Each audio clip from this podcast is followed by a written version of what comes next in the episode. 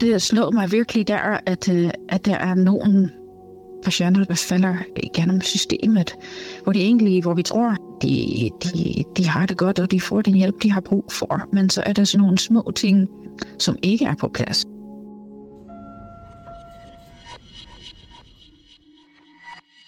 Nogle af de patienter, der bliver indlagt på Rigshospitalet, har sværere ved at begå sig blandt de hvide kitler end andre. De patienter, vi skal tale om i dag, har ikke nogen tydelige tegn på sårbarhed. Mange af dem er ikke vant til at insistere på at blive taget alvorligt, især ikke af autoriteter. De har måske ikke nogen uddannelse og er alene og uden nogen at støtte sig til. Som altid tager vi udgangspunkt i en historie her fra hospitalet. Vi hørte en lille bid af den her i starten. Den vender vi tilbage til senere.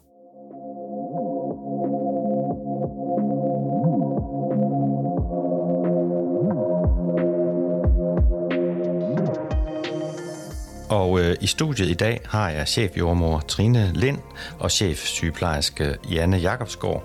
Velkommen til jer begge to. Tak for det.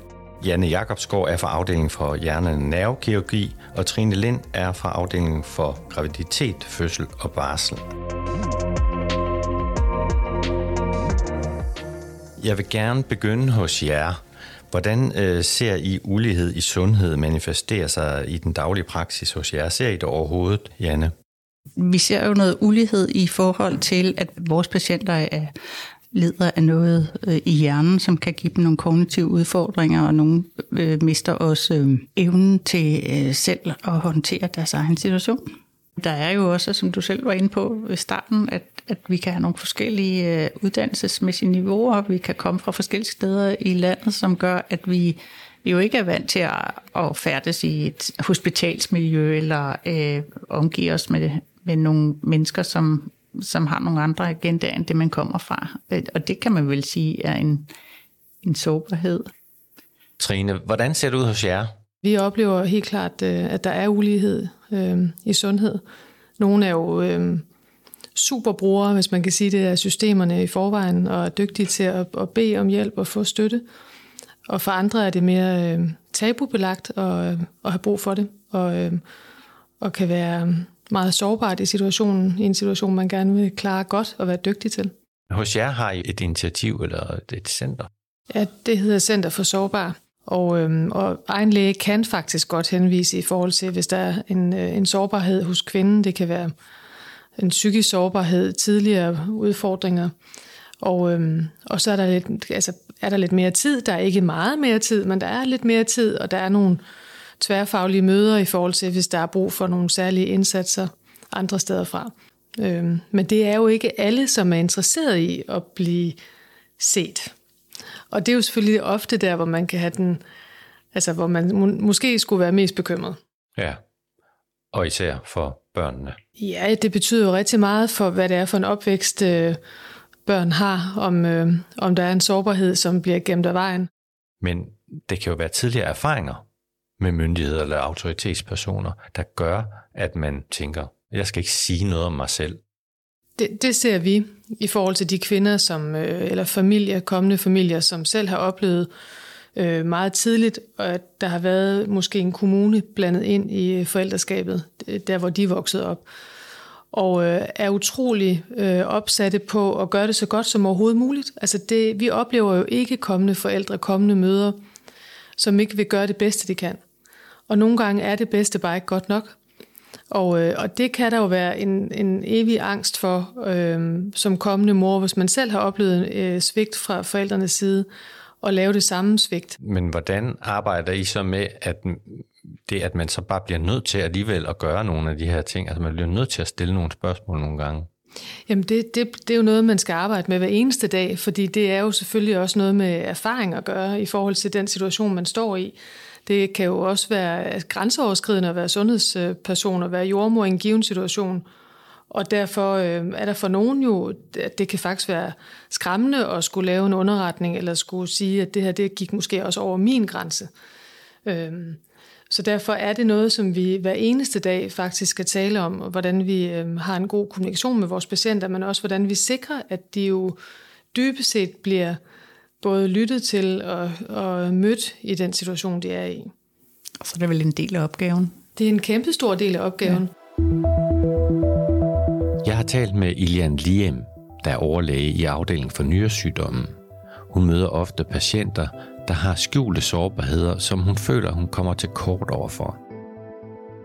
Jeg har en uh, ældre her, der får dialysbehandling i uh, mit uh, hemodialysafsnit.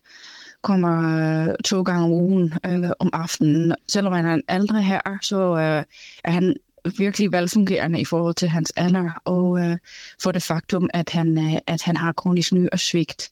Øh, men så havde jeg set ham en gang, hvor jeg vidste, at han havde været til tandlæge, havde fået trukket nogle tænder, og måtte så ikke få noget blodfortyndende i forbindelse med dialysen. Og så nogle måneder senere, så så jeg ham igen, øh, hvor han havde et højt blodtryk, øhm, og det viste sig, at han havde øh, øh, noget væskeophobning, eller, eller var overhydreret. Øhm, og så fandt vi ud af, at han havde tabt sig. Øh, men så viste sig, at han egentlig ikke kunne spise. Han sagde, at han bare kunne spise noget flydende, øh, fordi han jo ikke havde nogen tænder. Øh, og så sagde han, ja, jamen, øh, jeg må ikke sige navnet, men i hvert fald, øh, jamen, øh, har, du, øh, har du ikke fået øh, nogle proteser nu? Øh, nej, han havde ikke øh, hørt noget fra tandlægen. Og så spurgte jeg, men, jamen, øh, hvorfor har du ikke taget kontakt til tandlægen? Så, øh, men det kunne han helt klart ikke finde ud af. Og så spurgte jeg ham, men, øh, har du ikke nogen, der kan ringe øh, til tandlægen for dig? Øh, men så viste det sig, at han egentlig ikke har nogen pårørende. Øh, så det, det slår mig virkelig der, at, øh, at der er nogen patienter, der falder igennem systemet, hvor de egentlig, hvor vi tror, han, de, de, de har det godt, og de får den hjælp, de har brug for. Men så er der sådan nogle små ting, øhm, som ikke er på plads, som er rimelig afgørende. Fordi hvorfor skulle jeg først finde ud af det, efter han havde tabt sig 7 kilo? Øhm, det fik jeg lidt dårligt samvittighed. Øhm, fordi øhm, jeg tænkte, jeg, jeg vidste jo, at han havde været til tandlægen. Øh, kunne jeg ikke have fulgt op, øhm, før han skulle nå at tabe alle de der kiloer. Øhm, men på den anden side er jeg bare hans nyrelæge, der skal styre hans dialysebehandling.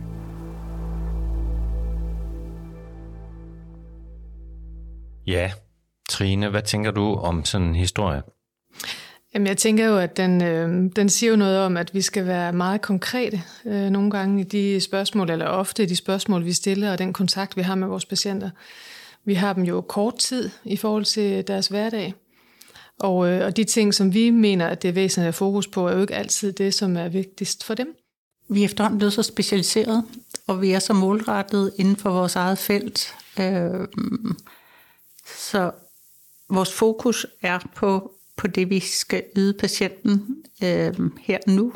Og jeg tænker, at det måske heller ikke altid er øh, en kort kontakt ind på et hospital, der skal redde øh, den tandlæge øh, tid.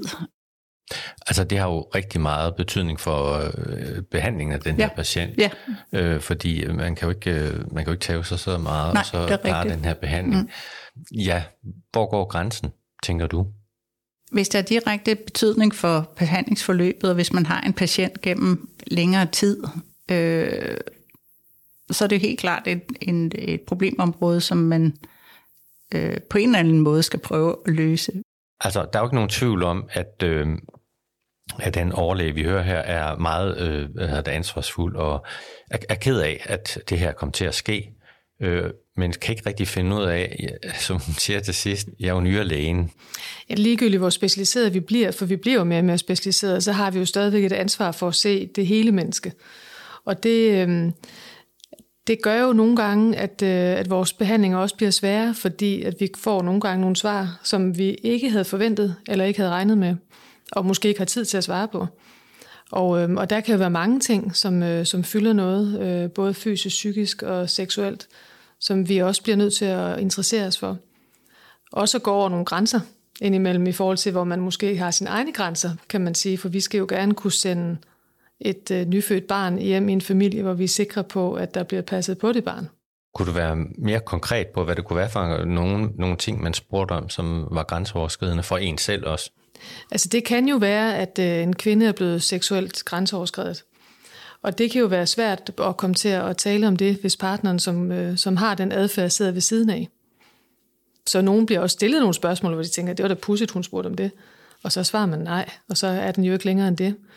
Men for nogen øh, giver det jo noget stof til eftertanke, eller måske også en oplevelse af, at jeg er blevet set, øh, og kan give en mulighed for på et andet tidspunkt at få åbnet op for det, man er blevet spurgt om, som man måske ikke svarede på. Psykolog Anne Mette Mor arbejder blandt andet med, hvordan ørelæger på Rigshospitalet møder deres patienter. Hun fortæller her om, hvordan personalet bliver nødt til at vise andre sider end de strengt faglige, hvis de skal skabe tillid og tryghed i mødet med sårbare patienter. Sårbare patienter kan have en fornemmelse af, at det er svært at blive accepteret, måske fordi de har været ude for mange ubehagelige oplevelser, så de kan godt være mere tilbageholdende. Og her er det virkelig vigtigt at træde frem som et menneske og virkelig være varm og accepterende og være åben og bekræfte patienten, at sådan som han eller hun har det, sådan kan man have det.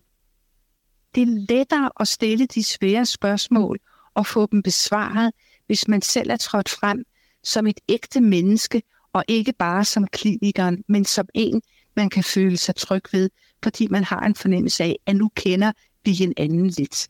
Og derigennem kan man finde ud af, at her står jeg over for en person, som faktisk har det svært, som er sårbar alene osv. Det er klart, at det her er noget, der kan tage tid. Det ved jeg. Øh, jeg underviser indimellem ørelæger. Men det er lidt ligesom at sætte penge i, i banken. Man sparer op, så når man har gjort den her mere grundig indsats og virkelig forsøgt at møde den person og stille spørgsmål, finde ud af, at det her person en person, som i virkeligheden er alene, som har brug for noget mere, jamen næste gang personen kommer, så behøver man ikke starte helt forfra igen, fordi man allerede har den her kontakt.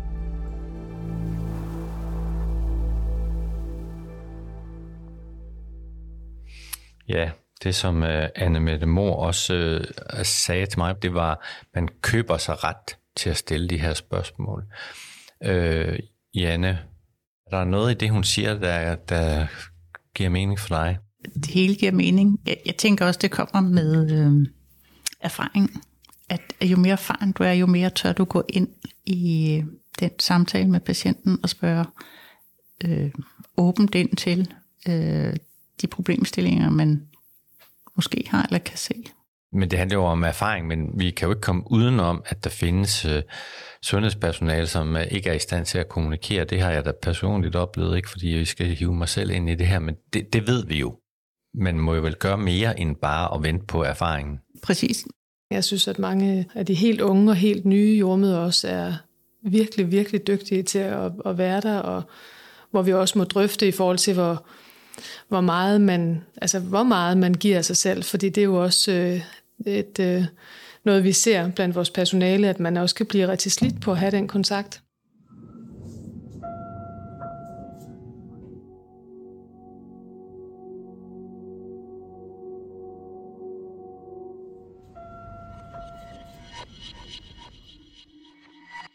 Det er jo sådan en, en trend, det der med, at man skal involvere patienterne mere i beslutninger forud ja, for ja, for eksempel ja. operationer, men i hele taget behandlinger. Øhm, men, men der er der også nogen, der har løftet en pegefinger og siger, at det her det er, det er noget, nogen patienter kan håndtere, og, og det, kan, det er meget svært at gå ind i for for eksempel patienter med ikke så høj uddannelse eller, eller ikke øh, stort netværk. Jeg, jeg tror, man skal passe på ikke at undervurdere patienten. Man behøver jo ikke at være dårlig begavet, fordi man ikke har en høj uddannelse. Nej, altså men når jeg, når jeg taler om uddannelse i, i det her, så er det jo fordi, vi ved, at ulighed i sundhed, det er meget, meget tæt knyttet til uddannelse. Men jeg synes, at vi må tilrette vores kommunikation til den patient, vi sidder overfor. Så i stedet for at tale et akademisk sprog, eller sådan være forudforstået for, for at alle forstår det, så må vi prøve at se, hvad er det for en patient, vi sidder med, hvilke pårørende er det, og så må man tilrette kommunikationen ud for det. Ja, man kan jo godt komme til at fornærme folk, hvis man ligesom antyder, at, øh, at, at de er sårbare. Det står vi i hver eneste dag, tænker jeg, fordi der er jo, øh, altså der kan være mange situationer, hvor, hvor øh, den sundhedspersonale, øh, som er inde over en familie eller en gravid kvinde, oplever, at, at der er nogen, noget adfærd, som, som man kan være bekymret omkring. Og det er vi jo, øh, det er vi jo forpligtet til selvfølgelig at tale med patienten om, og stille spørgsmål ved, men vi skal jo også dokumentere de observationer, vi har. Og det er der jo ingen tvivl om, at der er nogen, som er virkelig øh, både vrede og kede af, at, øh, at det kan blive journalført, at man har observeret en adfærd.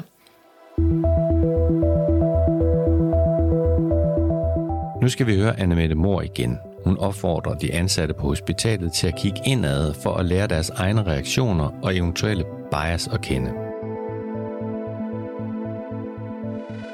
Så er det også vigtigt, at man hos sig selv som kliniker er opmærksom på, hvad en given patient vækker i en. En tilbageholdende, sårbar patient, som man ikke rigtig kan få hold på, måske fordi vedkommende er bange for at træde for meget frem, kan godt vække irritation eller hjælpeløshed for den sags skyld hos klinikerne. Og der er det rigtig vigtigt, at man holder sig for øje, hvad er det, at den her patient vækker i mig? Er det her måske noget, som stammer fra helt andre dele af mit liv, som jeg nu har en fornemmelse af, at jeg oplever her sammen med den her patient? Og så bliver jeg irriteret og begynder at skynde mig i forhold til at få hjulpet den her patient på den kliniske måde. Og det betyder jo, at der ikke opstår et møde mellem klinikeren og patienten.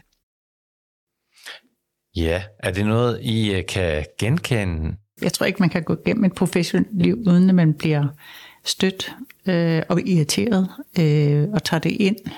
Men de professionelle er også mennesker øh, og har svært, øh, ikke altid kan, kan træde et skridt tilbage og tænke, øh, hvordan vi lige gør det. Så, så jeg tror, at det kan være svært i en presset hverdag at gå ind og tænke, hvad er det lige, at fru Petersen rører ind ved mig øh, i den her halve time, jeg er sammen med fru Petersen. Øh, tænker ikke, at der er så meget tid til den refleksion, men den er vigtig. Øh, bagefter kan man måske reflektere lidt over, hvorfor blev jeg øh, ramt af, af patienten? Øh, hvad var det, der rørte sig i mig?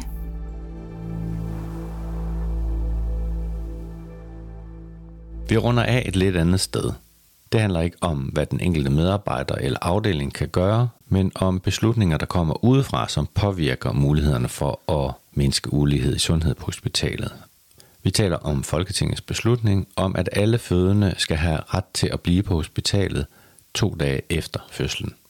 Ja, det er jo sunde og raske kvinder og familier, som bliver tilbudt indlæggelse – og, øh, og man kan sige, det er jo i hvert fald ikke, der er ikke et fagligt belæg for at gøre det. Øh, som nogle af dem siger, så har man overstået sin besøg, mens man er indlagt. Det er meget smart, der står kaffe ude på gangen. Og, øh, og der tænker jeg bestemt, at vi i vores system har brug for, altså der, der er nogen, der har mere brug for vores ressourcer og vores hjælp, end øh, sunde og raske familier. Godt. Jamen, øh, så vil jeg sige tusind tak, fordi I kom. Tusind tak, fordi du kom, Trine. Velkommen. Og tusind tak, fordi du kom, Janne. Velkommen.